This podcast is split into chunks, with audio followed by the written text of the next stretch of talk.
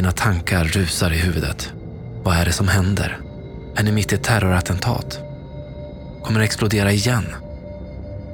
Men du måste tränga undan dina känslor. Du måste lägga allt ditt fokus på att ta dig härifrån. Bort från tåget, bort från faran. Du börjar krypa längs gången mot öppningen i väggen. Bredvid dig sitter människor ihjälbrända i sina säten. Glassplitter och metallskrot har trängt sig in i deras kroppar. Längre bort på det dammiga golvet ligger en del av en arm som sträcker sig upp till armbågen. Några meter bakom den ligger en kropp på mage. Du känner en ilning längs ryggraden när du med fasa upptäcker att kroppen saknar huvud.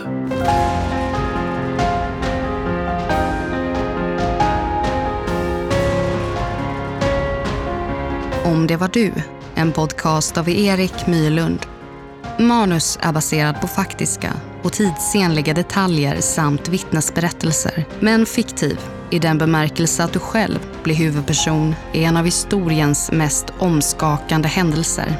Syftet med detta sätt att berätta på är att komma nära det ofattbara och försöka sätta sig in i det mörker som våra medmänniskor har fått uppleva genom historien. Men framför allt att aldrig glömma deras öde.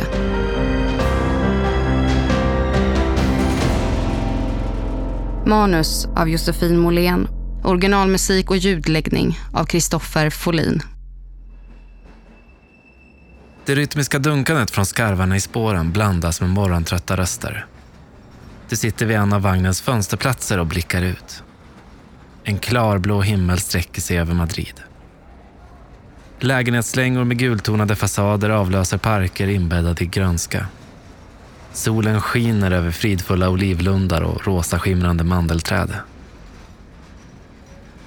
Än är det småkyligt i luften, men varje dag på väg till ditt arbete ser du allt fler vårtecken träda fram.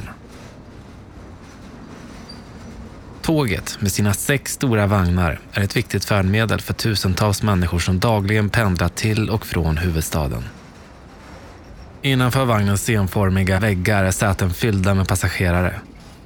Bland färgglada skolväskor och gråtonade portföljer sitter de försjunkna i sina tankar. En del knappar på sina mobiltelefoner. Andra läser läxor eller skriver i anteckningsböcker. En man med mässingfärgad skjorta och grånande mustasch smuttar på en take kaffe medan han bläddrar i en dagstidning. Sidorna är fyllda med politiska debatter och de senaste opinionsmätningarna inför det spanska valet som äger rum om bara tre dagar. Bakom dig hör du en flicka bli förhörd av sin mamma inför dagens glosor. Lunes, martes, miércoles, jueves, viernes, sábado, domingo. Det kommer nog gå bra på provet. Och hennes mamma verkar nöjd.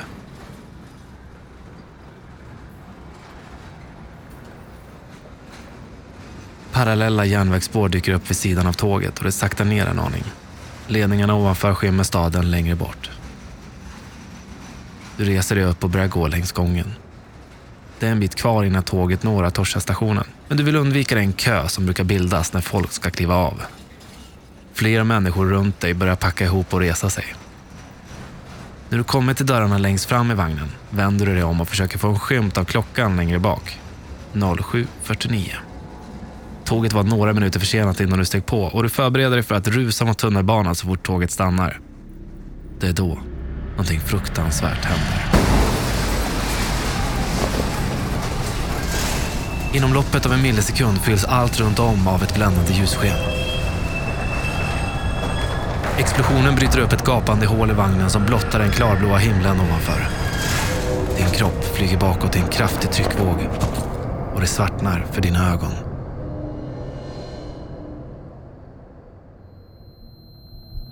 Först vet du inte vart du är.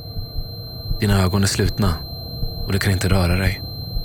Tjutet i öronen överröstar omgivningens ljud. I nästa sekund tränger sig smärtan in i ditt medvetande. Huvudet spänner och bultar och det strålar från nacken och ryggen som pressas mot det hårda golvet. Något tungt har hamnat över dig och det intensiva trycket över bröstet gör att det är svårt att andas. En bränd lukt skär in i näsborrarna och något varmt och kladdigt rinner längs dina kinder. En metallisk smak i munnen får dig att ana vad det är. Försiktigt öppnar du dina ögon.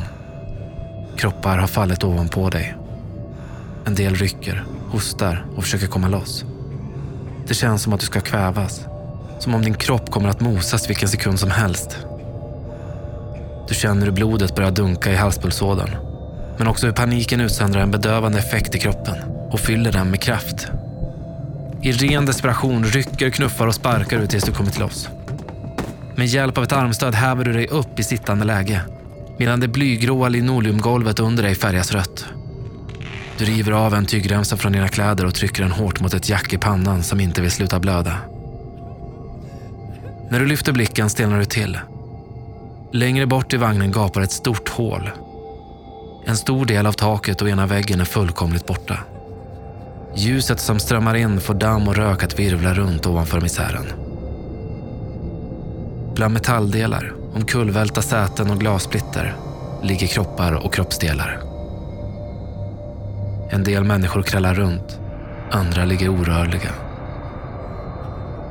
Deras kläder är söndertrasade och delar av deras hud har slitits av i explosionen. Dina tankar rusar i huvudet. Vad är det som händer? Är ni mitt i ett terrorattentat? Kommer det explodera igen? Men du måste tränga undan dina känslor. Du måste lägga allt ditt fokus på att ta dig härifrån. Bort från tåget, bort från faran. Du börjar krypa längs gången mot öppningen i väggen. Bredvid dig sitter människor ihjälbrända i sina säten. Glassplitter och metallskrot har trängt sig in i deras kroppar. Längre bort på det dammiga golvet ligger en del av en arm som sträcker sig upp till armbågen. Några meter bakom den ligger en kropp på mage. Du känner en ilning längs ryggraden när du med fasa upptäcker att kroppen saknar huvud.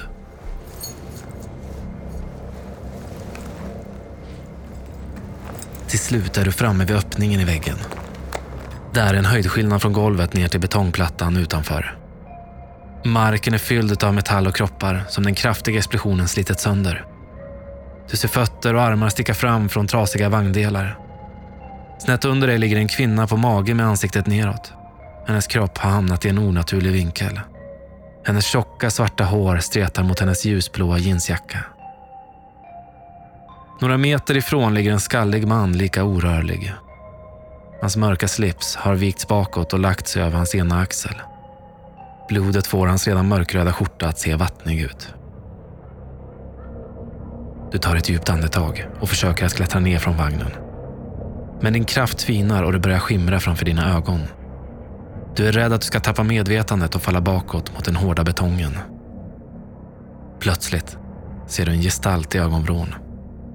Du känner igen mannen på hans mässingfärgade skjorta. Han kryper sakta fram till dig på ostadiga ben. Han samlar kraft innan han tar tag om dina armar. Hans hårda grepp gör att du vågar luta dig ut och få fotfäste på marken. Efter att ha hjälpt mannen ner tar ni stöd av varandra för att komma bort från vagnen.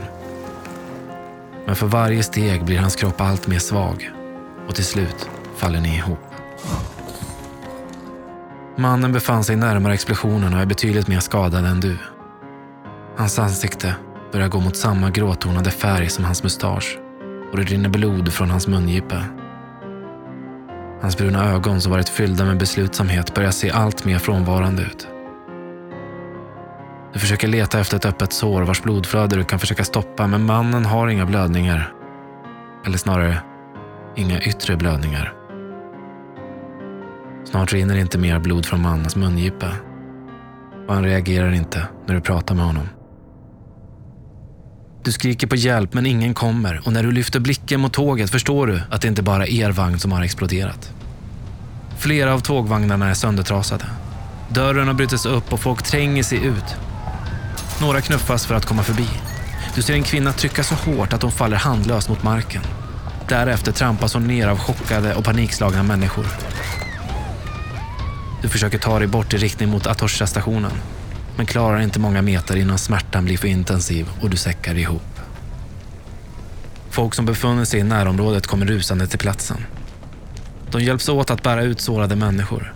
De larmar och försöker stoppa kraftiga blödningar med tröjor och skärp. En man i kostym bär ut en kvinna och lägger henne bredvid dig. Kvinnans blick är frånvarande och hennes hår har tovat sig i blodet. Mannen granskar henne snabbt och slappnar av när han ser att hon inte har några livshotande skador. Han vänder sig om för att fortsätta till tåget, men stannar till tvärt och för blicken mot dig. Med svettdroppar i pannan och fokuserad min försöker han bedöma hur allvarligt ditt tillstånd är. Du gestikulerar mot tåget, som ett sätt att berätta att ditt läge är stabilt och att mannen ska fortsätta framåt. Fortsätta att rädda liv. Din hörsel börjar komma tillbaka. Öronens tjut blandas med förtvivlat gråt, oroliga röster och sirener som ekar över hela staden. Det dröjer inte länge förrän platsen fylls med räddningspersonal. Solen reflekteras på deras gula hjälmar och västar. Desperat försöker de urskilja levande människor från döda för att hinna rädda så många liv som möjligt. De spänner tourniqueter över söndertrasade armar och ben för att stoppa de kraftiga blödningarna. Valet är lätt när det står mellan amputation och döden. Allt fler sårade människor bärs ut och vårdas på betongplattan. Frivilliga hjälper räddningsarbetarna och står böjda över de skadade och lugnar och tröstar dem samtidigt som de håller upp deras dropp. En ambulanssjukvårdare kommer fram till dig och konstaterar att ditt läge inte är akut. Hon lindar ett förband runt ditt huvud samtidigt som hon uppmanar dig att hålla dig vaken medan du väntar på att få vidare vård. Det är som att vara maktlös åskådare åt en makaber scen. Du är för oskadd för att få hjälp, men för svag för att kunna hjälpa. En polis i blå uniform går förbi dig och du hör honom ropa över radion att ett terrorattentat även skett här. Längre bort sitter en medelålders man lutad mot en elstolpe. Han håller en liten pojke i sina armar och gråter förtvivlat. Du ser inte om pojken lever, men du ser att han är bränd över hela kroppen. Några meter ifrån ser du en tonårsgrabb med blå tjocktröja med vita ränder på. Hans högra öga har svullnat igen och blivit en stor böld. Framför honom sitter en kvinna med reflexjacka och en sjukvårdsväska bredvid sig. Hon håller en lugnande hand på pojkens axel medan hon undersöker skadan. Blodiga människor ringer sina anhöriga. Försäkrar dem att de är okej, okay, medan tårar väller ner för deras kinder. Två män med mörkblåa västar vars rygg det står Policia på sveper varsamt ett skynke över en höggravid kvinnas kropp. Snart vilar dussintals filtar runt om både i och utanför tåget. Du kan se att räddningsarbetarna som täcker kroppar och kroppsdelar är tagna av vad de ser. Men samtidigt beslutna att utföra sitt jobb noggrant. Beslutna att möta varje människa med respekt. Död eller levande. Du orkar till slut inte hålla dig vaken. Sakta sjunker du ihop och blir medvetslös. Du kvicknar till när en bår körs in i ambulansen. Efter ambulanspersonalen satt in dropp och smärtlindrande så berättar han att du ska få åka till Hospital Central de la Defensa och få vård där. Han stänger igen bakluckan och snart rullar ambulansen iväg. Väl framme så syr läkarna igen jacket i pannan snabbt och effektivt. De kör ut i en sjukhussäng i korridoren. I korridoren sitter en TV. Nyheterna är på. Utöver ert tåg så har bomber exploderat på ytterligare tre tåg i Madrid. Och otaliga människor behöver få vård snabbt. En kvinna dyker upp i korridoren och desperat greppar hon tag om en sjuksköterskas arm. Med darrande röst berättar hon att hon sökt efter sin man på flera andra sjukhus men inte funnit honom någonstans. Hon ombeds att vänta medan sjuksköterskan försvinner runt hörnet för att undersöka saken. Kvinnan lutar sig mot den kala väggen hon tar ett djupt andetag och blinkar för att få bort tårarna i ögonvrån. Oron i hennes blick skär igenom rummet och i varje andetag pendlar hon mellan hopp och förtvivlan. Här, i denna intetsägande korridor där takpaneler och väggar bär samma färglösa nyans som golvet. Här ska hon få ett besked som avgör hela hennes framtid. Till slut kommer sjuksköterskan tillbaka du nästan känner kvinnans hjärta slå ett dubbelslag när hon skyndar fram för att möta henne. Du hör inte vad de säger.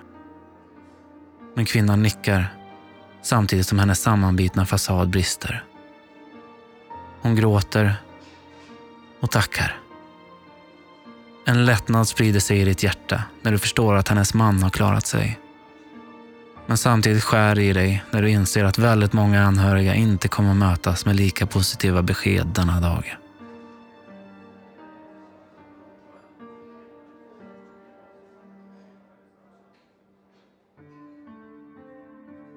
Den 11 mars 2004 detonerade tio bomber på fyra olika pendeltåg i Madrid.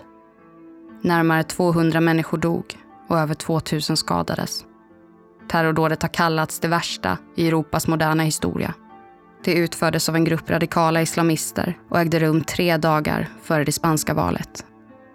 Före dådet hade opinionsmätningarna talat för att den då sittande konservativa regeringen i ledning av José María Aznar skulle ta hem segern. Samtidigt var det politiska läget spänt och många spanjorer var upprörda över regeringens beslut att helt ställa sig på USAs sida och skicka spanska trupper till Irak. Efter dåden var regeringen snabb med att beskylla separatiströrelsen ETA för att vara skyldiga. Något som sänkte deras förtroende hos folket och de förlorade valet. Istället tog socialistledaren José Luis Rodríguez Zapatero hem segern. Han hade gått till val med luftet om att dra tillbaka landets trupper. Ett löfte han sedan fullbordade och som ledde till att fler länder drog tillbaka sina trupper från Irak. I det här avsnittet har du kastats in i en fiktiv skildring av ett verkligt mörker. Avsnittet är delvis uppbyggt av information från vittnen, filmklipp och nyhetsartiklar. Personer som nämns är till största del fiktiva för att du ska kunna sätta dig in i situationen. Nästa gång du ser en liten notis om ett bombdåd i världen, så tänk på de stackars människor vars brutala öde lätt glöms i siffror. Det är därför detta avsnitt är brutalt skrivet. För att verkligheten kan vara brutal. Källor för det här avsnittet är hämtat från bland annat artiklar från Expressen, Aftonbladet och The New York Times. Men främst från den välskrivna observatörsrapport som Räddningsverket i Karlstad gjort i samarbete med spanska myndigheter.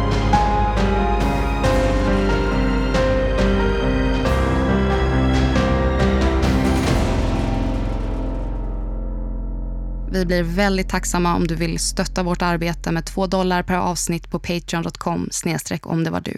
Eller om ditt företag vill köpa annonsering så kontakta Nent. Följ gärna om det var du på Instagram för att få senaste information om kommande avsnitt. Där kan du även tipsa oss om vilken händelse du vill kastas in i nästa gång. Produceras av I Like Radio. I like radio.